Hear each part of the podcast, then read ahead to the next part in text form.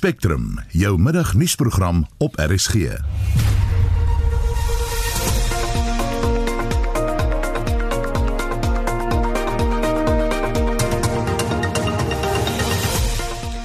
In die program die aardtoe wetgewing sal moontlik nie in Julie geïmplementeer word nie. Die Kouga munisipaliteit het die Oos-Kaapse regering versoek dat die munisipale gebied as 'n rampgebied verklaar word. So ons het omtrent nog 100 miljoen rand nodig waarvoor ons 'n besigheidsplan gestuur het na die nasionale regering sodat ons dag 0 bietjie net verder kan terugstoot. Die DA in Swani is volgens berigte besig om uitmekaar te skeer. Ons kyk nou of daar waarheid daarin steek. En die G7 lande wil 'n wêreldwye korporatiewe belastingheffing instel om belastingontduiking deur maatskappye te stop. Goeiemôre, welkom by Spectrum. My naam is Susan Paxton. Die dag van môre, 'n sepie wat die daaglikse nood en vreugde van ons lewens aanspreek. Jan Groenewald vermeng op 'n slim manier die uitdagings waarmee Suid-Afrikaners daagliks te doen kry in fascinerende verhale van die mense van 'n ou herehuis in Johannesburg. Wat wag op hulle in die dag van môre? Die dag van môre word elke maandag, woensdag en vrydag om 12uur oor die internet uitgesaai. Visuele kykgenot met 'n nuwe dimensie vir radioluisteraars, plus gratis nuus wat die sepie voorafgaan. Skakel in op www.foxwood.tv vanaf Dinsdag 8 Junie vir meer inligting. Dit sal jou lei na die subskripsiekanaal wat ook ander gratis dienste verskaf. Die dag van môre, soveel meer as net 'n sepie.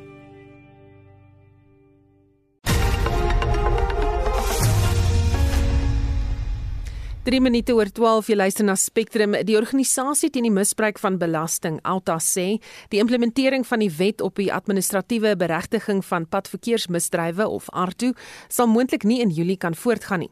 Alta het 'n hofaansoek gebring om die grondwetlikheid van die wetgewing te bepaal en die saak sal moontlik eers in Oktober die jaar aangehoor kan word. Ons praat met die hoof van regsaake by Alta, Stefanie Fik. Goeiemôre Stefanie. Goeiemôre. Hoekom die hofaansoek?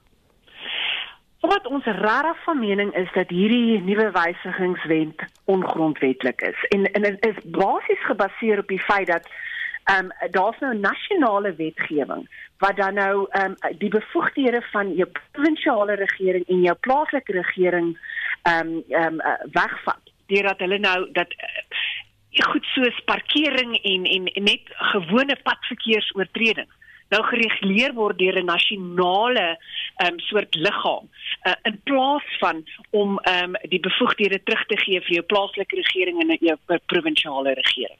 En dan nou ons het ook 'n probleem met hoe die stukke op me, op op op mense gedien word, maar die die groot probleem is is dat ons sê ehm um, ehm um, sekere uh, uh padverkeersoortredings moet geadministreer word deur plaaslike regering en nie deur die nasionale regering nie. As die regering voortgaan met die implementering volgende maand, wat is die implikasies dan nou vir padverbruikers? Ooh, ehm um, kom ek sê so, want amper sê voordat ek die implikasies probeer verduidelik. Ek dink nie dat hulle ehm um, gaan ehm um, die wysigingswet kan implementeer. Eerstens wag ons nou nog dat hierdie die die begindatum of die inwerkingtreding van hierdie wetgewing moet eers gepubliseer word en dit het nou nog nie gebeur nie. Ons het al soveel keer gehoor die aardwysigingswet gaan 'n werking stel, aardwysigingswet gaan 'n werking stel en dit het nooit gebeur nie. Daar's ook baie praktiese implikasies wat eers in plek moet val. Ehm um, ehm um, voordat hierdie die wysigingswet regtig geïmplementeer kan word omdat die prosedure so klein bietjie verander het. Maar wat um, ek dink motoriste net in gedagte moet hou is dat die proses is soort van nog dieselfde. Daar's nog steeds jy kry 'n boete en daarna moet hulle vir jou hoflikheidsbevel ehm um, stuur en ehm um, ehm um, en, en daarna eers is daar die die die afdwingingsbevel. Maar jou jou die die die reg wat jy gehad het in die in die huidige aardte wetgewing om te sê maar ek verkies om hof toe te gaan. Ek verkies om myself in hof te gaan verdedig, het nou totaal en al weggeval. Die eerste keer wat jy nou na hof toe kan gaan, um, en dit gaan heel waarskynlik meer van 'n siviele prosedure wees, is as jou ehm um, jy kan byvoorbeeld vertoorig en hulle wys jou vertoë af, dan kan jy na appel appel uh, tribunaal toe gaan en as daai tribunaal dan nou teen jou bevind dan eers kan jy hof toe gaan. So ek dink dis een van die belangrikste implikasies. En dan die tweede belangrikste implikasie is die feit dat ehm um, ehm um, RTI of enige ehm um, ehm um, persoon wat dan nou vir jou hierdie prosesse moet op op jou moet dien, kan jou per e-pos laat weet of jou 'n e-mail stuur. Hulle hoef dit nie meer persoonlik te doen of per geregistreerde pos nie. Hm. 'n Strenger wetgewing die antwoord om ons eh, probleme op die paaie op te los. Nee. Ek dink uh, dis dis 'n eenvoudige uh, antwoord. Uh, uh, daar is be, ons geen twyfel dat uh, die uh, padverkeersveiligheid is 'n uh, is nie net die eenvoudige um, kom ons doen dit en dit gaan gaan gebeur nie. Ek dink daar's verskeie goeders wat um, wat moet gebeur om seker te maak dat ons uh, spaai meer veilig is. Byvoorbeeld net kom ons begin by motoriste. Motoriste moet begin verantwoordelikheid neem vir die feit dat hulle beter moet bestuur om te veroorsaak dat dat ons ons spaai meer veilig is. Dronkbestuurders ensovoorts. Maar ons is van mening dat jy ehm um, die aardse wetgewing is is baie gekompliseer. Nou ehm um, het en jy maak dit nou met die wysigings net maak jy dit nog meer administratief en hulle dink dit gaan mense verhoed dan nou om om om aan pad ehm um, verkeersreëls te oortree. Ons moet net onthou dat dat ernstige oortredings soos dronkbestuur val nog steeds terug op iemand moet die persoon vang. So ons sê visuele uh, polisieering gaan altyd beter wees as enigiets anders. Met ander woorde, stel eerder meer mense aan om ons paai te reguleer om daardie mense wat wat regtig so fisiek op ons paai bestuur, wat dronk bestuur, wat te vinnig ry, om daai ouens te vang en dan seker te maak dat hulle deur die proses gevat word. Werk aan ons hofstelsel om om om meer howe beskikbaar te stel en om seker te maak daardie mense word vervolg. Om seker seker te maak dat die fondse wat daai mense kry so groot genoeg is om dan as afskrikkingsmiddel um, te dien.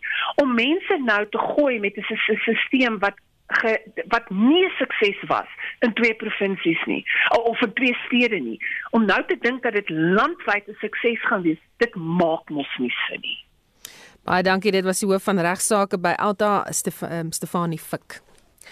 Die hele land sal binnekort amptelik in die derde golf van COVID-19 wees. Dis die voorspelling van die adjunkkanselier van die Universiteit van KwaZulu-Natal se departement van navorsing en innovasie, professor Mosha Moshabela. So when we are looking at the sort of how the numbers are increasing, the rate at which the numbers are growing in the other provinces, they are all going up including KZN, Limpopo, Mpumalanga, they're all kind of increasing. So we expect that the kind of patterns we are seeing in the other provinces will also start to emerge in the ones that are lagging behind.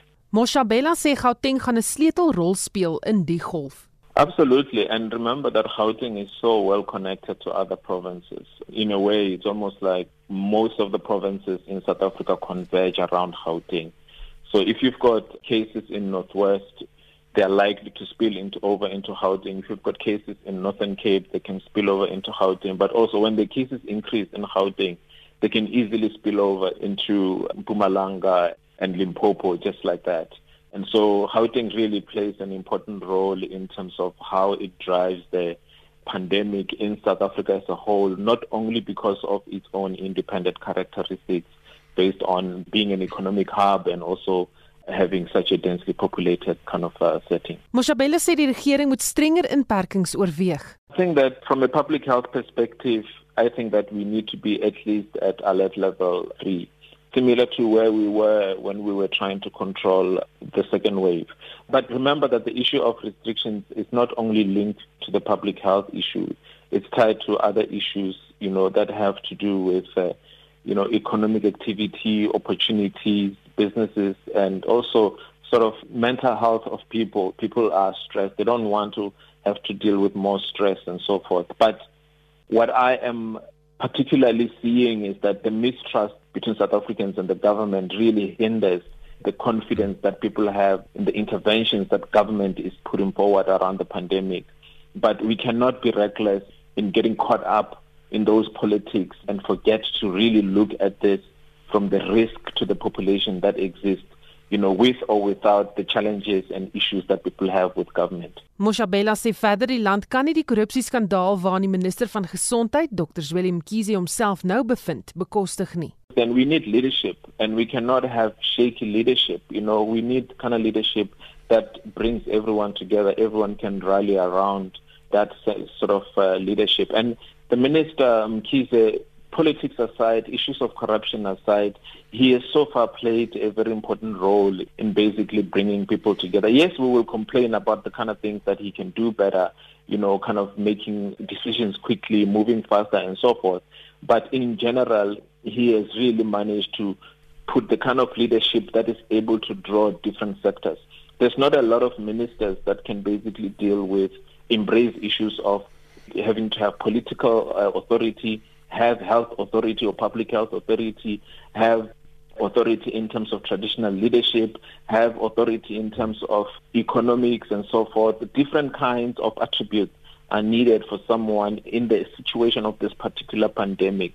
Yes, we can complain. You know, there are many other factors that agendas that people are driving, but on the whole, he has played that crucial role. And you can see when he goes quiet, the gap becomes really, really obvious.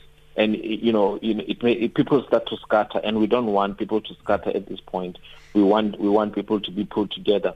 However, I do think that there is an important opportunity here for more of a collective leadership. We have seen some of the deputy director generals coming out providing more information and more leadership and i think that needs to be allowed and also we are seeing more decentralized authority where provinces themselves are taking leadership En dit was professor Mosha Moshabela, adjunk kanselier van Universiteit van KwaZulu-Natal se departement van navorsing en innovasie.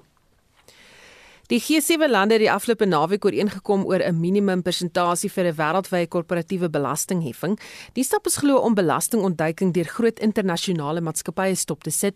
Ons praat nou met 'n ekonom van die Noordwes Universiteit, professor Waldo Kriegel. Oor goeiemiddag Waldo. Goeiemôre Susan. Skets net weer die agtergrond tot die stap. Dit is presies soos jy sê, 'n groot multinasjonale maatskappye kan hulle wins 'n bietjie rondskuif binne in die groep op om belasting te bespaar. En die doel van die, hierdie voorstel wat hulle nou gemaak het, is om dit te probeer beperk. Nou, wat is daartoe besluit? Die besluit is op so 'n minimum belastingkoers van 15% vir groot maatskappye en hulle noem nou nie spesifiek die tegnologie reëse nie, maar hulle verseker in die, in hierdie belastinggarde se versuur want hulle wil ook hulle belastingstelsel aanpas uh, vir handel in produkte wat nie tasbaar is nie soos data.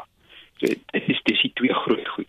So praat ons van byvoorbeeld maatskappye ook soos Facebook en Google in in Amazon en in daardie regtig groot tegnologie reëse. Hm. Enige voordele vir 'n land soos Suid-Afrika? Suid-Afrika het net nou nooit regtig probeer om so 'n uh, belastingvoordeel te bied om sulke buitelandse maatskappye te trek nie.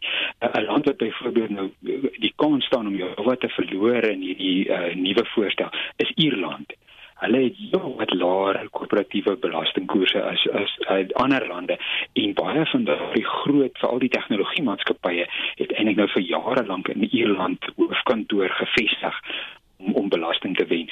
Vir ons uh het dit eintlik maar 'n kleiner impak.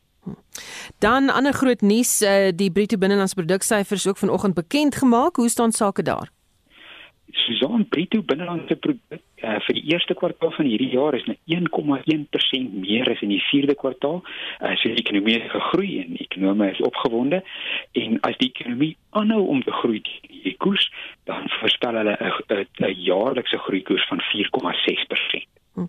Is daar uh, jy weet of, of hoe vergelyk dit dan nou met 'n vorige jaar of die vorige jaar?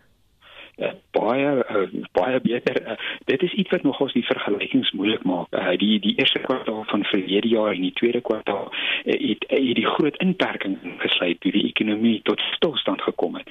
So die hier wat nou hierna gebeur lyk soos soos fantastiese groeikoerse en uh, die statistieke Suid-Afrika het ook nou die manier hoe hulle ekonomiese groei uh, aankondig so 'n bietjie verander om uh, hierdie hierdie groot swaaye in in ag te neem. Hm. Is daar enige sektore wat hier uitgestaan het? Ja, ja, verseker die die mynbou het baie goed gedoen. Uh, Finansiële en sakedienste en handel is die sektor wat wat sterk gegroei het. En aan die bestedingskant van die BBP, huishoudings se verbruiksbesteding ook um, 4,7% gegroei. Uh, wat ook 'n teken is dat dat van die bestedingskant af kom ekonomiese groei nou ook aan die gang. Is dit met ander woorde goeie tekens vir die toekoms? Uh, dit is positiewe tekens vir hierdie jaar. Uh ek dink ekonomie uh, verwag uh, sterk ekonomiese groei hierdie jaar. Ons wag eintlik om investering nou bietjie te sien toeneem. In die eerste kwartaal uh, investering nog afgeneem dalk 'n bietjie spreek van van min sake vertroue. Was ook 'n groot uh, vermindering van voorrade. So hopelik gaan gaan tweede kwartaal syfers vir ons wys dat meer besighede nou ook optimisties is om besigheid te doen en dat hulle daai voorrade wat afgeloop het weer opmaak ensovoorts. Baie dankie. Dit was 'n ekonom van die Noordwes Universiteit, professor Waldo Kriel. Ons praat nou ook met die hoofekonoom van die Efficient Groep, Dawie Rood, oor die BBP syfer en ander ekonomiese kwessies. Goeiemôre, Dawie. Goeiemôre, Susan. Jou reaksie op hierdie BBP syfer? Ja, ek kan nie veel byvoeg nie. Ek dink Waldo het mooi saamgevat. Dit is inderdaad so dat ekonomiese groei besig is om te versnel. Die eerste kwartaalsyfers dui sekerlik daarop en ons het 'n klompie sektore wat so half uit hibernasie uit besig is om wakker te word en dit tel natuurlik alles op. Uh, ek dink egter 'n baie belangrike punt wat 'n mens moet maak is dat jy weet al hierdie syfers uh, kry mense onder baie buitengewone omstandighede. En die, die ons het gesien byvoorbeeld verlede jaar het die ekonomie gekrimp met 7% die tweede kwartaal of die derde kwartaal het sterk groei getoon wat intussen 'n bietjie afwaarts aangepas is. Uh, en nou kry jy eers kwartaal weer 'n keer goeie groei. Uh, die punt wat ek wil probeer maak is dit gebeur onder baie wisselvallige wisselvallige omstandighede en dit gaan 'n rukkie duur uh, voordat hierdie syfers begin stabiliseer op die een of ander vlak sodat mense die onderliggende groei tempo in die ekonomie kan waarneem. En ek is bevrees weens faktore soos byvoorbeeld 'n tekort aan elektrisiteit, gaan ons waarskynlik sien in 'n jaar of 2 dat die Suid-Afrikaanse ekonomie begin stabiliseer op 'n uh, groeikoers van minder as 2% of so, wat heeltemal onvoldoende is in elk geval. Maar op die kort termyn sekerlik 'n paar goeie en positiewe syfers. Hm. Ander kwessie waar ek wil praat vandag is die mededingingskommissie wat die verkoop van Burger King Suid-Afrika aan Amerikaanse maatskappy gestop het omdat die maatskappy van die FSA nie aan swart bemagtigingsvereistes voldoen nie. Jou reaksie hierop? Jy weet jy as mens praat van die kompetisiekommissie dan dink mense dit is 'n kommissie en dit is inderdaad 'n 'n statutêre in, instelling waarop die bedoeling is sekerlik om seker te maak dat nodige kompetisie in die ekonomie gehandhaaf word.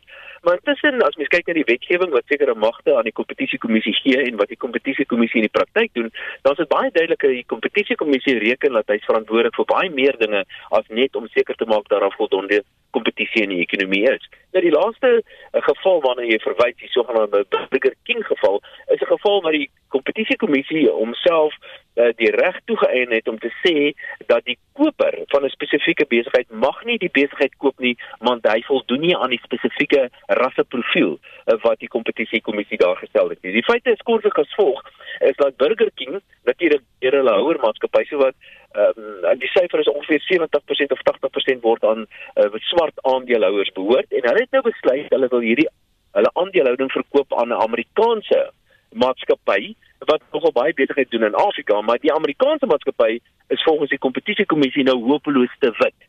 Dan word die transaksie nie goedgekeur nie. En dit het allerlei negatiewe implikasies op verskeie vlakke. En dit het veral 'n negatiewe implikasie sover dit gaan met die swart aandeelhouers wat nou verhoed word om hulle eie aandele te verkoop. Oorskry die kommissie sy mandaat hier? Ek dink heeltemal so, maar nie net op hierdie vlak nie, verskeie ander vlakke ook. Daar's baie gevalle in die verlede waar die kompetisiekommissie sekere bepalinge gemaak het wat ek dink heeltemal buitensporig is en baie van die gevalle is dit omgekeer, maar in hierdie geval dink ek het hulle besonder ver gegaan om te sê dat swart aandeelhouers mag byvoorbeeld nie hulle eie besigheidsbesluite neem nie want die koper van hierdie aandele uh, is koophuis nou nie die regte veld leer nie. So ek dink hulle oor oor tree heeltemal hulle mandaat hierso. Mens moet ook noem dat dit nie die einde van die pakkie uh, paadjie is nie. Die tribunaal is nog steeds daar en daar kan geappeleer word na die tribunaal toe en selfs verder na die howe toe indien uh, jy nie suksesvol is by die tribunaal nie. Ek het so 'n idee dat hierdie besluit van die kompetisiekommissie uiteindelik omgekeer gaan word. Nog interessante verwikkelinge is Clover wat aangekondig het dat hy sy fasiliteite in Noordwes gaan sluit weens die munisipaliteit in Lichtenburg, dis die Dietse Botlam munisipaliteit wat nie kan dienste lewer nie. Jy het nou 'n bietjie vroeër ook verwys na Eskom en kragprobleme en ekonomiese groei. Is hierdie 'n werkgroep wat die regering kan ignoreer of kan bekostig om te ignoreer? Nee, maar dit lyk hulle hou aan om dit te ignoreer ten spyte van daar's baie ander voorbeelde ook wat gebeur het in Standerton net te lank terug nie. Is 'n goeie voorbeeld wat 'n soortgelyke tipe van voorbeeld ja. Die realiteit is is dat die owerhede op alle vlakke Suid-Afrika besig is om in duie te stort, nie net die owerhede nie, maar die staatsbeheerde instellings ook. Ek dink Eskom en die lugdiens en Denel, almal van daai is voorbeelde daarvan. Uh, en uiteindelik moet hierdie regering van ons eintlik al lank op wakker geword het. Uh, die plaaslike owerhede is van uiterste belang vir besighede want dit is jou eerste kontak met met met 'n owerheid. Dit is die ouens wat sorg vir vir jou infrastruktuur, vir jou lisensies en baie gevalle vir jou beskerming en dis meer. En dit is baie duidelik dat in die meeste gevalle is hulle heeltemal disfunksioneel. Uh, ons sien dit op uh, ook in die verslag van die ouditeur-generaal en heelwat ander verslae. So hierdie is 'n voorbeeld van van 'n wanfunksionele regering, plaaslike owerheid in hierdie geval eh, wat met die gevolg dat besighede eenvoudig hulle diere toegemaak het en die verdere gevolg van 'n toename in werkloosheid en armoede en natuurlik 'n afname in belastinginkomste vir daai spesifieke owerheid is ook. In al hierdie gevalle sien mens die hand van die regering sal dit dalk beleggers internasionaal en plaaslik afskrik sonder enige twyfel en ek dink die besluit van die kompetisiekommissie ook. Die kompetisiekommissie het basies nou gesê dat 'n buitelandse belegger mag nie in Suid-Afrika kom belê indien hy 'n bate koop by 'n swart belegger in Suid-Afrika nie. Nou as dit nie buitelandse beleggers gaan afskrik nie, weet ek nie wat gaan nie. En nou is daar nou ander voorbeelde ook, soos die verskeie vlakke van owerhede wat in hulle is besig is om te stort en goed soos korrupsie en wanbestuur en alles wat daarmee saamgaan. Ek is bevrees ons is besig om elke dag onsself van die voete skiet en dit raak al moeiliker om buitelandse beleggers te oortuig om in Suid-Afrika Suid-Afrika te kom belê. Baie dankie, dit was die hoofekonoom van die Efficient Groep, Dawie Rood. En ons gaan weer terug na die uh, groei syfers, die BBB syfer wat vroeër bekend gemaak is. Ons praat met die uitvoerende direkteur van Agres, A Christo van der Rede. Goeiemôre Christo. Middag Susan en middag aan alle luisteraars. Jou reaksie op hierdie jongste groei syfer wat uit is. Weet jy, uh, mense kan nie alles as om hoopvol te bly nie en mense is dankbaar dat daar uh, daarom ekonomiese groei is en uh, ons sien dat die mynbou as ook die finansiële sektor uh dit uh, jy weet is, is goed aan die gang. Uh en aan die ander kant sien ons ook dat verbruikers is besig om toenemend uh, jy weet goed aan te koop en petrolverbruik en die goed is te styg. Wat die landbousektor aanbetref, uh moet ons ook nou net daai syfer in perspektief sien. Onthou dat die oesseisoen is nou aan die gang. So ons sal uh, totale ander prentjie sien uh in die jy weet in die tweede en derde kwartaal want in die eerste kwartaal jy gaan nou maar bitter min aan in, in die landbousektor en dan moet ons ook onthou jy weet diere siektes en die goed het maar 'n impak gehad op diereproduksie veral hier in Januarie, Februarie maand goed soos bek en klousere en voelgriep maar andersins jy weet lyk die prentjie dan nie te somber nie Hmm. Gaan hierdie is dit skep dit optimisme onder landbouers wat onder moeilike omstandighede moet uh jy weet voortgaan. Ja, inderdaad. Ek dink uh, ons het verlede jaar 'n baie goeie seisoen gehad. Uh, ons voorsien ook dat hierdie jaar ook 'n uh, baie goeie seisoen sal wees. Goeie reënval, uh, ook goeie pryse vir ons uitvoerprodukte so sitrus en sovoorts. En uh, jy weet uh, dan ook uh, jy weet met al die landbank se probleme, finansieringsprobleme, het die banke hulle deure oopgemaak. So baie boere het oorgeskuif na kommersiële banke toe. So dit is dit is baie goed. Uh, maar ons sit maar met van funksionele staatsinstellings soos die landbank en uh, ander departemente en dit bly maar 'n groot kopseer vir ons. Hm. Ek wou nou vir jou vra, jy weet, voorsien jy dat die land beter ekonomiese groei kan toon as wat voorspel word? Inderdaad, inderdaad. Uh, mens sien dit uh, oral uh, hier waar ek myself nou bevind, is dit net ongelooflik om te sien hoeveel mense net grond gekoop en die bouery wat plaasvind, veral hier langs die Weskus uh en die tipe ek weet hoeveel dit werk wat in die proses geskep word. So uh, dit vir my is tekenend van 'n ekonomie wat besig is om om te herstel. Baie dankie dit was uh, Christo van der Rede die uitvoerende direkteur van Agri SA. Gerigte doen die ronde dat die DA raadslede in Tshwane in hulle massas die party verlaat en ons praat met 'n politieke ontleder van die Universiteit Pretoria, Roland Henwood hier oor. Goeiemiddag Roland. Goeiemiddag Susan. Steek daar waarheid in hierdie gerigte? Ehm um, ek weet nie, ek het nog nie die massa bedankings gesien. Ek weet wel van twee raadslede wat in die afgelope tyd bedank het as gevolg van ontevredenheid met wat in die party gebeur. Maar die die massa bedankings, ek weet nou nie wat omvangryk dit sou wees en waar dit gebeur nie. En daar's ook gerugte dat voormalige DA-lede aanslag op die party in Swani loods met binne-inligting. Ja, dit is een van die aspekte wat ehm um, lyk vir my uitspeel rondom die DA en daar was gister nogal heelwat berigte en dan reaksie vanuit die DA raadslede of of die DA self ehm um, rondom ehm um, voormalige lede wat met allerlei beskuldigings kom en die in die hantering daarvan dui asof dit mense is wat besluite geneem het en nou dieselfde besluite van buite kritiseer as sou dit korrupsie en opsetlike wanadministrasie impliseer.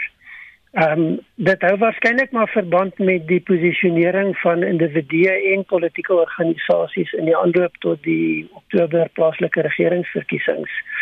En dit lyk asof en, en ek dink dis die, die die interessante hier is dat lede van die DA, voormalige lede van die DA se geveg gesteen die DA um, om die DA soveel as moontlik onder druk te plaas en seer te maak. Ehm um, as sou dit hulle ehm um, resep vir sukses wees in die komende plaaslike regeringsverkiesing.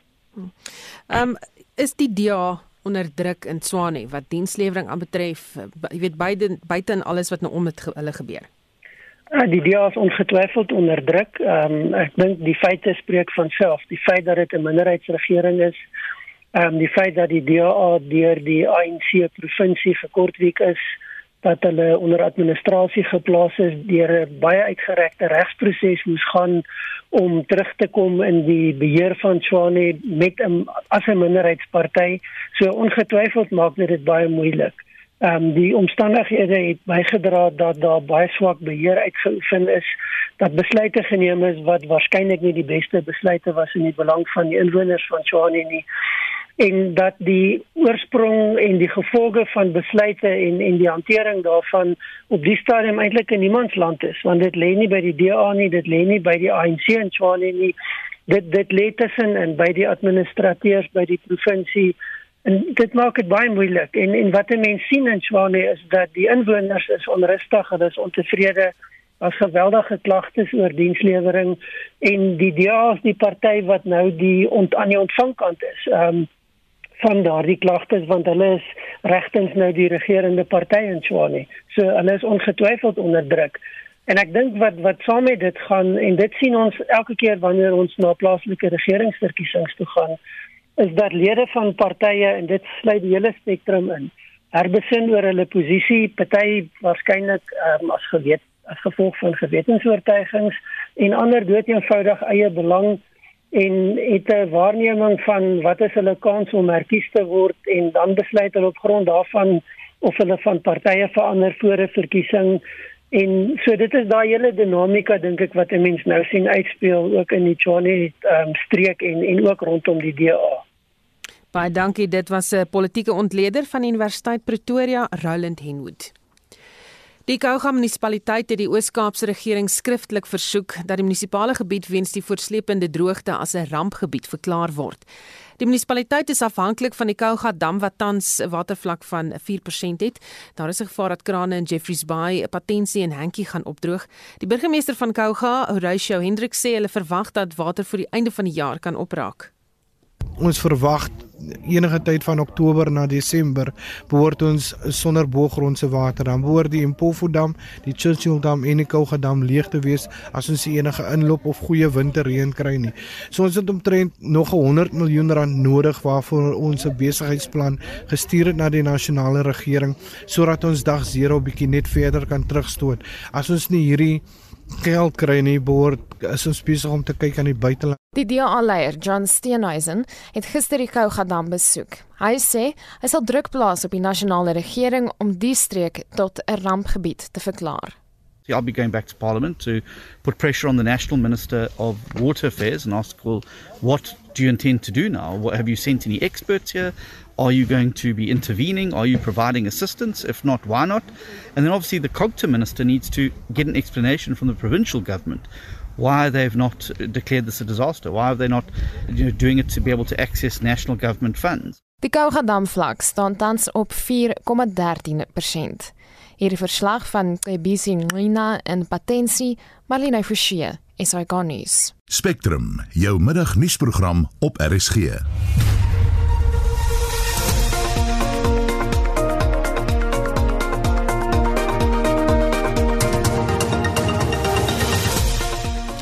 Hoofnuus se vandag se program die organisasie Alta se Stefanie Fixie hulle gaan die Arto wetgewing in die hof beveg. Wat ons regtig van mening is dat hierdie nuwe wysigingswet ongrondwetlik is en en dit is basies gebaseer op die feit dat ehm um, daar's nou nasionale wetgewing wat dan nou ehm um, die bevoegdhede van jou provinsiale regering en jou plaaslike regering wegvat. En net hierna en as deel van Wêreldoseane Dag kyk ons na besoedeling in die oseaan wat 'n algroot probleem word. Die oseane doen so baie vir ons en het so groot impak op hoe ons lewe hier op land. As die hierdie ekologie ineenstort, dan gaan ons die impak voel.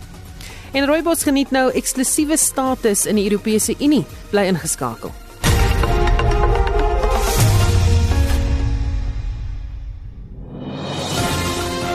Sondagoggend net na die 7 uur nuus deel ons 'n paar geloofstories. Dr. Fanny Snyman stel ondersoek in na dankbaarheid in die Ou Testament. Louis Spies vertel van die krisissentrum wat sy bestuur en Erna Reder van Famnet gesels met ons oor gesinne en tegnologie. Christe Beer gesels ook oor die uitdagings van beroepsverandering. Skakel in Sondagoggend net na die 7 uur nuus vir Sondagjoernaal saam met my, Liselde Brein.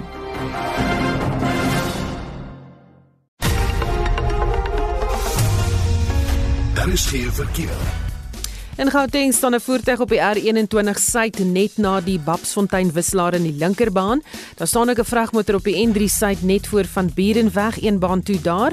En uh, daar staan daar ook 'n voertuig op die N3 suid net voor die Randse lughawe wisselaar en dit is jou verkeersnuus.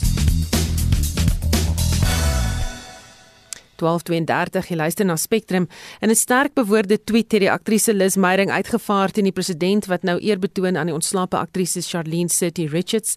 Richards is gister in Kaapstad oorlede. Meyering sê as die regering sy werk gedoen het en wetgewing ingestel het wat verseker het dat kunstenaars skryf wat hulle toekom, so sy behoorlike mediese sorg kon bekostig.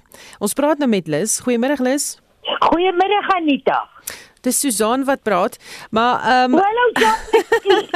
Koffie is mal vanoggend. Anita, Anita ja. rus al was sy was vroeg wakker. Nee, ek sê. Ja, sy is sy's gewoonlik vroegoggend ene.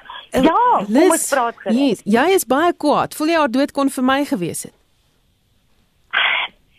Ek ek, ek wil nooit 'n liewe dierbare vriendin en 'n geëerde legende se dood gebruik as 'n jy weet as 'n stukkie gereedskap om 'n uh, 'n boodskap oor te dra nie, maar ek ken my liewe suster Shaline en ons het baie hieroor gepraat. En sy het regtig opgestaan vir wat reg en verkeerd is. So uh, en uh, onbeskaamd opgestaan. So ek voel ek mag dit doen. Ek is kwaad want dit is baie eenvoudig. Dit is nie dat kunste bedryf is en daarmee praat ek nie net van akteurs. Onthou dit almal van julle in radio, TV, teater, lewendige optredes, rolprente, alles uh, die mense voor en agter die skerms. As ons in Suid-Afrika, soos in die res van die wêreld, wat hulle noem 'n uh, tantieme gekry het. En dit werk so. 'n 'n derde van die oorspronklike bedrag word uitbetaal wanneer 'n reeks of 'n rolprent vir die derde keer uitgesaai word. Suid-Afrika het 16 jaar terug die Bern Konvensie onderteken saam met 46 ander lande wat hulle gesê het hulle respekteer internasionale kopiereg. Na 10 jaar se bekleierery is die PPAB, die Performance Protection Performance Protection Amendment Bill, deur die parlement aanvaar. Um met 'n meerderheid aanvaar. Ons wag nou al 4 jaar vir ons president om dit te teken sodat dit van kragtig kan word. En dit beteken letterlik dat ek is ook 'n bestuurslid van die teaterbystandsfonds, soos soos mense weet. Dit beteken dat nie net Shaline vir honderde duisende ander mense in ons bedryf nie arm sou gesterf het nie. Hm. Nie nie uh, uh gesit het waar hulle waar hulle uh ook nou sit nie. Want dit is bloot musikante kry hulle tantieme en ek gun hulle dit met my hele hart. Mense wat iets uitgevind het, kry hulle tantieme vir wat hulle uitgevind het. Ek gun hulle dit met my hele hart. Dit is standaard in die wêreld. En hoekom is daai daai wetsontwerp nog nie geteken? Hm. Waarom? Lis, hoe groot is die nood onder kunstenaars weens die kwessie? Ongelooflik groot ek, ek kan vir jou en ek ek, ek haar familie sal nie omgee dat dit vir jou sê nie iemand soos Elise Kaywood wat 'n mediese fonds gehad het. Haar familie, uh haar man, die akteur Wilson Dunster en haar familie sit ten spyte van die mediese fonds met honderde duisende rande uh wat hulle nog moet afbetaal um uh, van vir haar kankerbehandeling. Nou dink aan hoeveel reeks het iemand soos Elise of Charlene gedoen. Hoeveel rolprente het daai mense gedoen? En hoeveel keer is daardie goed al heruitgesaag? En nie 'n sent santimes soos in enige ander plek in die wêreld is betaal. Die wetsontwerp is weer. Hm. Hy moet net geteken word om van krag te word. En ek is steeds vir die huigelary van 'n regering wat nou ewe skielik sê, "Ooh, ons is so verskriklik hartseer oor uh, Charlene se dood." Uh, jy weet onder andere, ehm um, uh, kyk, daar's baie van die groot naam kunstenaars wat hulle nie eens noem nie. Ehm um, en ooh, ons doen so baie vir die kunste. Nee, Hulle doen nie. Hulle het eersens biljoene gesteel. Die die ding het nou die dag uitgekom dat die Gautengse departement van sport, kuns en kultuur het 16 miljoen spandeer om twee buitemaatskappye te gebruik om 13 miljoen oor te betaal aan uh, uh, die COVID relief fund. Maar ek wil dit baie duidelik stel. Mense in ons bedryf is nie bedelaars nie. Ons wil werk.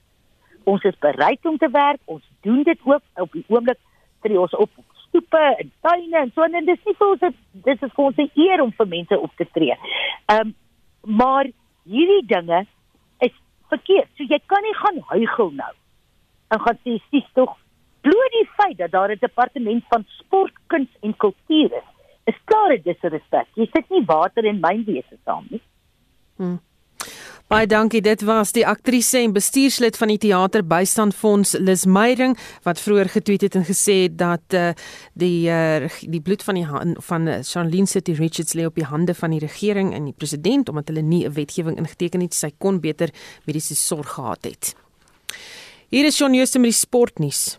Ons val weg met tennisnuus. Die kwart eindronde by die Franse Ope het aangebreek. Vandag in die mans afdeling met die 60 gekeerde Duitser Alexander Zverev teen die Spanjaard Alejandro Davidovich Fokina en die tweede gekeerde Rus Daniel Medvedev teen die 50 gekeerde Griek Stefanos Tsitsipas kragte.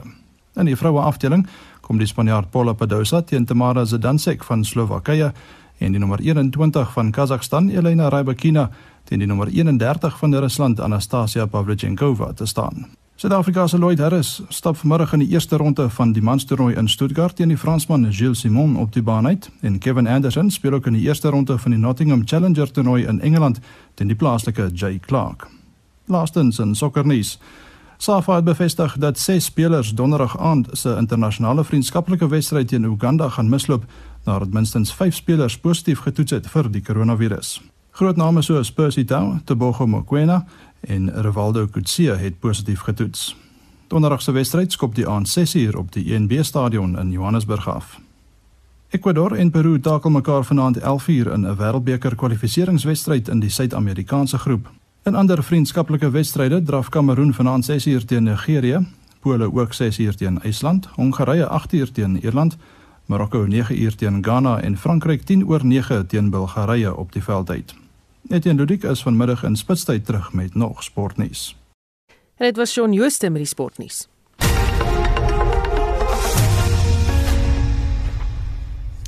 Die term rooibos is nou amptelik ingesluit op die EU se lys van ikoniese geografiese aanwysers. Dit beteken dat die woord nou geografiese beskerming geniet omdat dit slegs op 'n plek in die wêreld voorkom op die een plek. Dit is die eerste Afrika voedselsoort wat die status geniet en vir meer hieroor praat ons nou met Martiney Swarte lid van die Suid-Afrikaanse Rooibosraad. Goeiemôre Martiney. Goeiemôre Suzor, hoe gaan dit? Met my gaan dit goed veral oor hierdie nuus. Wat beteken hierdie klassifisering van rooibos tee? Die klassifisering van rooibos die uh, beteken basies dat rooibos is nou beskerm want rooibos kom slegs voor in die in die um, Cederberg biosfeer en hy word ook daar verwerk. So die beskermde benaming van oorsprong of as ons hom nou in Engels moet sê PDO is 'n baie uh, belangrike geografiese aanduiding want dit beteken dat slegs die wat ons daar groei en daar verwerk rooibos genoem mag word. Nou die proses om tot hier te kom het so wat 10 jaar geduur. Hoekom het dit so lank gevat? O orde. Ek ek dink dit ek ek dink daar was 'n hele aantal stappe. Uh so eerstens is ons onder die daar was 'n vennootskapsooreenkoms tussen Suid-Afrika en die Europese Unie waar rooibos ingesluit is as 'n uh, uh, geografiese aanduiding. Ons het besluit as die rooibos raad, dit was die rooibos bedryf, hierdie is nie genoeg vir ons en ons wil dit graag 'n stapie verder neem. En ons het toe besluit om die proses van stapel te stuur om onsself op die register te registreer. En dit is dit wat wat so lank wat so lank geneem het want die Europese Unie is 'n redelike spesifieke klomp mense. So ons het ons het uh, ons ons aansoeke ingehandig en dit hele hele paar keer het ons dit herverwerk en op die einde is dit toe goedgekeur. Daarna is dit die proses wat deur dat deur al die Europese nasies hersien word en hulle kan dan terugkom met kommentaar en as ons die kommentaar geïntegreer het, het ons uiteindelik ons finale goedkeuring ontvang. So dis 'n lang pad, maar een wat ons bly is as dit gestap. Hm. Jy het ook genoem dat jy nou mik na die Wêreldhandelsorganisasie. Wat wil julle daar bereik? So uh, tans is rooibos slegs beskerm in die Europese Unie. So uh, dit is die eerste baie belangrike stap. Daar is die Lisbon ooreenkoms indien jy um, as 'n land daardie ooreenkoms onderteken het dan sou jy jou geografiese indikasie op 'n uh, internasionale vlak onderregistreer. Omdat Suid-Afrika nog nie die Lisbon ehm um, onderteken het nie, moet ons die paadjie loop van die Europese Unie registrasie en dan van daar af is dit 'n redelike maklike deur om by die Wêreldhandelorganisasie het te doen vir internasionale erkende geografiese indikasie. Dit is vir ons belangrik want natuurlik fokus ons rooibos reg oor die wêreld, ook in Asiëse lande en ons sou graag wou hê dat die naam oral beskerm moet wees. So julle poog om die handelsmerk te beskerm, maar julle beywer julle ook vir die volhoubare gebruik van die bron self. Hoe gaan julle in die verband te werk? Ja, nee, ons het ons het nou eintlik nou dat jy noem die volhoubare gebruik van ons het nou net die afgelope naweek het ons 'n wonderlike kunsinstallasie gedoen by die Walter Sisulu Botaniese Tuine waar ons met 2000 koppies rooibos het ons ehm um, 'n uh, 'n 'n wêreld die die wêreld uitgepak en om om te sê dit is hoe ons ook met um, wêreldomgewingsdag ons ehm um, wys hoe ons vir volhoubaarheid werk. Dit is natuurlik baie belangrik van want rooibos is onlosmaaklik vas aan die area waar hy vandaan kom. En dit is 'n dit is 'n beskermde area en as die rooibosraad en ek dink as die hele bedryf is almal baie bewus daarvan dat jy die omgewing moet beskerm vir die plant om voort te bestaan en vir ons vermoë om rooibos aan die mark te verskaf. Baie dankie. Dit was Martinay Swart, lid van die Suid-Afrikaanse Rooibosraad. Besoedeling in die oseaan word 'n al groter probleem. Die woordvoerder van die Two Oceans Aquarium in Kaapstad, Renay Leoner sê, hulle kom met agter aan die groot hoeveelheid seeskilpaaie wat by hulle aankom. Die aquarium het reeds in die afgelope ruk 53 seeskilpaaie gekry wat plastiek ingeneem en siek geword het daarvan en nie verder kon swem langs die kus af nie. Leoner sê op Wêreldoseane Dag wat vandag gevier word, is dit belangrik dat mense moet besef dat die marine ekologie in 'n krisis is. So die oseane op hierdie stadium, um, persoonlik hou ek daarvan om van een oseaan te praat want hulle is almal aan mekaar verbind. Ons praat van die Indiese Oseaan en die Atlantiese Oseaan en so aan, maar dit is almal op die ou einde een wese, jy weet. En wat ons nie altyd besef nie is wat ons doen hier op land het 'n groot impak op die oseaan. En as jy maar kyk na goeters soos jou besoedeling in die oseaan natuurlik is plastiek 'n baie groot probleem. Ons sien dit hier met die skilpaaie, ons sien dit oral in die hawe hier by ons. En mense dink baie maklik ag nee wat dit kom van bote af en so aan maar dit kom nie van bote af nie en nie, nie dit nie dit kom nog steeds van mense af En dit is waar die probleem is. Die visserye en die oorbenutting van ons oseaanse uh, natuurlike hulpbronne is natuurlik 'n ander groot probleem want dit haal die kos uit die diere wat dit nodig het se se ma en dit het weer 'n impak op ons. So heiliglik is ons grootmoeder oseaan in groot nood vir ons om haar te help of, of uh, en en dit kan ek en jy wees. Dit hoef nie die wetenskaplikes te wees nie en dit hoef nie die regering te wees nie. Dit kan ek en jy wees wat ehm um, hulp gee aan hierdie soos wat ek haar noem 'n blou hart van ons planeet. Wat gebeur met die mensdom as die marine ekologie in duie stort? Wat mense nie besef is nie, ehm um, is dat die oseane doen so baie vir ons en het so groot impak op hoe ons lewe hier op land dat um as hierdie ekologie ineenstort, dan gaan ons die impak voel. So as jy dink aan die oseaan reguleer ons klimaat en as so as die klimaat nie um, gereguleer word nie en as dit nie reg gereguleer word nie, dan gaan ons 'n baie groot probleem hê op land met landbou en verbouing van ons kos en so aan. As ons kyk na die minerale en voedingsstowwe en voedsel wat uit die oseane uitkom, as daardie ekologie ineenstort, gaan ons niks daarvan kry nie. Ons gaan nie 'n visie op ons bord kry om te eet nie. Baie mense gaan nie die hoender op hulle bord kry om te eet nie want die hoender word vis gevoer, vismeel. Jy gaan nie 'n mielie op jou bord kry nie. Dit is maar net of wanneer dit kom by die voedselverwerking, dan kyk jy nog na jou mediese goeder, jou medisyne wat uit die see uitkom, die mense wat kyk na en die see, see bestudeer en ander baie belangrike mineraalstowwe daaruit ontgin. As die ekologie in die see en instort, dan sal ons ekologie dit dis 'n domino effek. So ons moet na die oseaan kyk. Nou, julle spesifiek vandag by die aquarium fokus op spesifieke kwessies. Uh, vertel my daarvan. So ons eerste kwessie wat ons in die hele Junie maand ondersoek en fokus op ehm um, lê, is natuurlik ons skilpaaie wat ons hier by die aquarium kry. Ons kry uh, ek dink ons het op die oomblik 53 of so wat vir hierdie seisoen al ingekom het. En ons rehabiliteer hierdie skilpaadjies en laat hulle weer vry. Die ding met hulle is natuurlik die plastiekbesoedeling wat hulle inneem en dink dit is kos.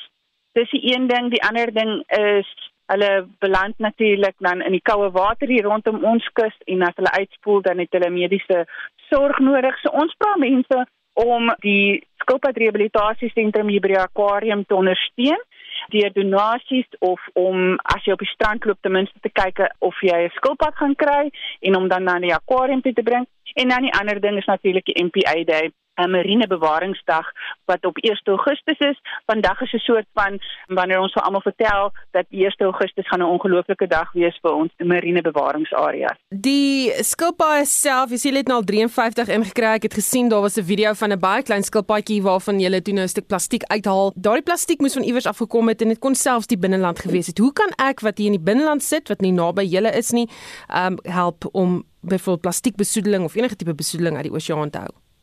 Dis eintlik baie baie maklik wanneer jy winkel toe gaan, laat jou beursie besluit wat jy doen. So as jy gaan in die winkel in en daar is 'n opsie van glas of daar is 'n opsie van plastiek, kies jy glas. Die glas kan weer herwin word vir soveel meer kere as die plastiek. En as jy as 'n verbruiker dit gaan kies die hele tyd, dan gaan die mense wat dit produseer later agterkom luister maar my plastiek verkoop nie meer so goed nie, maar die glas goed verkoop baie goed. En dan gaan hulle meer goed in in glas sit. Ook as jy natuurlik al daai plastiek het, herwin dit op 'n verantwoordelike manier en jou heel eerste ding wat jy moet doen is om nee te sê. So kyk weer na hoe jy elke dag met plastiek omgaan in jou lewe.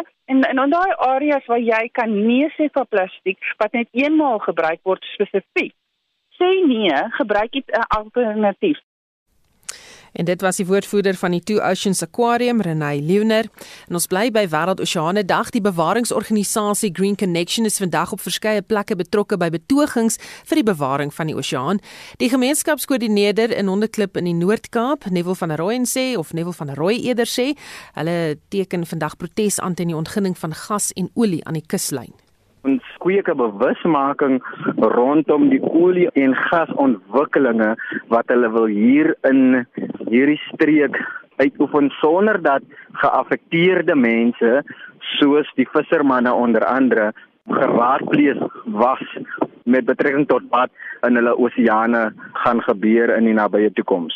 Die is egter nie die enigste strand waar Green Connection vandag betoog nie is hier op uh, onderklippaai dan is ons op dan 'n lange baan dan is ons op Port St John's besig en ook op Nysna daar program mense wat daar betrokke is en besig is. En die duidelike boodskap wat ons wil uitdra is die oseaan is nie net sommer 'n waterpunt nie maar dit is deel en van hulle leefwyse en hulle identiteit as skisserdorp inwoners. So hulle wil dit graag beskerm teen enige vorm van besoedeling wat olie en gas betrek. Vind julle dat die mense wie se aandag julle probeer trek, hoor wat julle sê en luister na wat julle sê? Hulle hoor definitief na wat ons sê want ons is gereeld in die media met mense se quotes en so voort, maar hulle reageer nie vir ons baie positief daarop nie, want die land sê hulle is lojaal aan die klimaatsverandering kwessie wat wat op die tafel is heidaglik, maar hulle toon die teenoorgestelde met die feit dat hulle steeds voortgaan met ontwikkeling rondom olie en gas vanaf die Noord-Kaap tot sover as in die Oos-Kaap en KwaZulu-Natal. Dit was Neville van der Rooi, een van Green Connection in Hondeklubaan in Noord-Kaap se gemeenskapskoördineerders. Marlene Forsie is ikonies. Terwyl die ANC en die EFF vra dat landbougrond onder voogtyskap van die staat geplaas word, waarsku die DA dat huidige grondrestitusieprosesse nie na wense verloop nie. Die skare minister van Landbou, Grondhervorming en Landelike Ontwikkeling, Anet Stein, meen daar's 'n groot agterstand in die oordrag van grond aan die regmatige gemeenskappe. Sy het aan Marlenae Forsie gesê slegs so wat 1,2 miljoen hektaar van die 3,2 miljoen hektaar wat suksesvol geëis is, is aan die relevante partye oorgedra. Die res van die grond is onder staatsbesit. So wat gebeur in effek is 'n plaas uitvind plaas op die plaas van meneer Botha. Daai grondeis is suksesvol, die staat dra dan die grond oor onmiddellik in die eiser se naam of vir 'n baie kort tydperk in die staat se naam terwyl hulle ander prosedures afhandel. Nou wat ek gevind het is dat daar jare verloop wat die grond in die naam van die staat bly lê. In 'n geval wat ek nou onlangs mee gewerk het, is die gevalle in Melmos van die Bloedla gemeenskap waar hulle grond teruggeëis het. Daai grond is lê nog in die naam van die staat. Eisers word dus afgesny van die grond wat regmatig aan hulle behoort. Ons het gesien al hierdie gevalle waar ons sê jy weet die swart boere kan nie boer nie, is omdat hulle nog nie die eienaars is nie. Die grond lê dan braak, daar begin binne gevegte kom tussen die gemeenskappe want mense is nie seker wat gebeur nie. Sekere mense gaan dan op die grond en begin dalk bome afkap of plase afbreek of sekere goeders doen. Ons het ook gevalle gesien en ek soek nou verdere antwoorde wat die grond dan hierdie wat die staat dan hierdie grond oordra aan 'n derde party wat dan namens die eisers die grond begin boer. Maar die eisers het nie eens ingestem daartoe nie. So, jy weet daar is moontlike gevalle van korrupsie en allerlei dinge wat plaasvind as die eisers nie die eienaars van die grond raak nie, maar dit bly in die naam van die staat. Sy sê sy word oorval deur boere en eisers wat hiermee sukkel. Ek beplan om volgende week die departement te gaan besoek in Pretoria. Ek het reeds 'n brief geskryf aan die DG om te sê ek gaan hulle besoek. Ek wil kom kyk na hulle database want ek dink dit is ook een van die probleme. Die departement het nie 'n volledige database waar al die eise wat reeds ingedien is, wat reeds afgehandel is, wat nog lê en wag om afgehandel te word op een database is sodat dit amper met die druk van 'n knoppie gesien kan word waar is ons in die proses. Volgens haar heers daar chaos wat lei tussen hofsaake tussen die onderskeie partye en wat die staat uiteindelik miljoene uit die sak jaag. Wat het die staat? Waarmee sit hulle op hulle databasisse? Wat is hulle beleid oor oordrag, oor binnengevegte, oor betrokkenheid en wat is die werklike prentjie op die grond? Dit sal ons 'n idee gee van wat ons volgende stappe behoort te wees. Ek het nie 'n slegte verhouding met die departement nie. Ek glo hulle sal saamwerk want ek dink hulle besef self dat daar groot drama is Ek weet 'n gerukkie gebeur hier die minister self erken nadat ek gedruk plaas het oor die boere in Mpumalanga wat wag vir hulle huurooreenkomste wat totaal nog 'n ander stap is wat ook nog moet gevolg word waarna ons moet kyk. Het sy gesê dat haar amptenary is onbekwaam. Dit maak ook my blaas om te skryf na die amptenary, maar ek wil gaan kyk watter stelsels het hulle in plek sodat ten minste ons weet daar is 'n ordentlike stelsel of 'n database waarvan gewerk word. Dit was die se skare minister van landbou, grondhervorming en landelike ontwikkeling Anet Stein. Marlene Forsie is ikonies. En Marlene gaan nou vir ons die hoofstories van die dag opsom Marlene. Ja, die organisasie teen die misbruik van belasting Outas skop steeds vas teen die implementering van die ARTU wetgewing. Is die hoof van die regsaake Stephanie Fick se mening. Visuele polisieering gaan altyd beter wees as enigiets anders. Werk aan ons hofstelsel om meer howe beskikbaar te stel en om seker te maak daardie mense word vervolg. Om mense nou te gooi met 'n stelsel wat nie sukses was in twee provinsies nie of in twee stede nie. Om nou te dink dat dit landwyd 'n sukses gaan wees, dit maak mos nie sin nie. En die minister van Gesondheid, Dr. Zweli Mkhize, lê tans besoek af aan die Noord-Kaap om te bepaal hoe die inentingsveld tog in die provinsie verloop. Nou tydens 'n media-konferensie daar met die minister is daar met hom gedeel dat die Silplaatjie munisipaliteit die grootste bron van kommer is. Verskeie uitdagings soos begroting en personeeltekorte is ook uitgelig en ek sien dat dit pas afgesluit met 'n vraag en antwoord sessie daar wat ons natuurlik dophou en meer inligting sal hê daaroor in monitor môre. Die adjunkkanselier van die Universiteit van KwaZulu-Natal se departement van navorsing en innovasie, professor Mosha Moshabela, sê dis in die land kan nie die omstredenheid om die 150 miljoen rand korrupsiesaak waarby Mkhize se voormalige medewerkers betrek word, bekostig nie. We need leadership, and we cannot have shaky leadership. We need kind of leadership that brings everyone together. Everyone can rally around. And the minister, um, politics aside, issues of corruption aside, he has so far played a very important role in basically bringing people together. En dan in Monitor môre beantwoord ons ook verdere vrae om die inentingsproses. Ekonome soos professor Waldo Kriegel van die Noordwes Universiteit is intussen versigtig optimisties oor die kwartaal se ekonomiese groei. Bruto binnelandse produk uh, vir die eerste kwartaal van hierdie jaar is net 1,1% meer as in die vierde kwartaal. Uh, so die ekonomie het gegroei en ekonome is opgewonde en as die ekonomie aanhou om te groei die koers dan voorspel hulle 'n jaarlikse groeikoers van 4,6%. En dit was professor Waldo Kriegel van die Noordwes Universiteit en onthou as jy enige van hierdie stories weer wil gaan luister, as jy welkom om 'n draai te gaan maak op rsg.co.za. Daar is alles op potgooi beskikbaar. Dankie Marlenae vir daardie opsomming. Net vir, vir ons groot goeie nuus. Drie Suid-Afrikaanse argitekte is aangewys om Londen se sogenaamde Serpentine Pav eh, Pavilion in die Kensington tuine te herontwerp. Die drie vroue van Counterspace in Johannesburg, Sumaya Valley, Sarah de Villiers en Amina Kashkar is glo die jongste argitekte ooit om vir hierdie taak gekies te word. Hulle ontwerp sal volgende week in die tuine onthul word en nagenoeg 1,2 miljoen mense sal na verwagting hierdie uitstalling gedurende die Britse somermaande besoek. En dis nou natuurlik welgedaan aan daardie drie jong vroue. Daarmee groet die Spectrum span. Ons groet namens ons waarnemende uitvoerende regisseur Wessel Pretorius, die redakteur Justin Kennerly en produksieregisseur Evert Snyman. Ek is Susan Paxton, bly ingeskakel vir 360.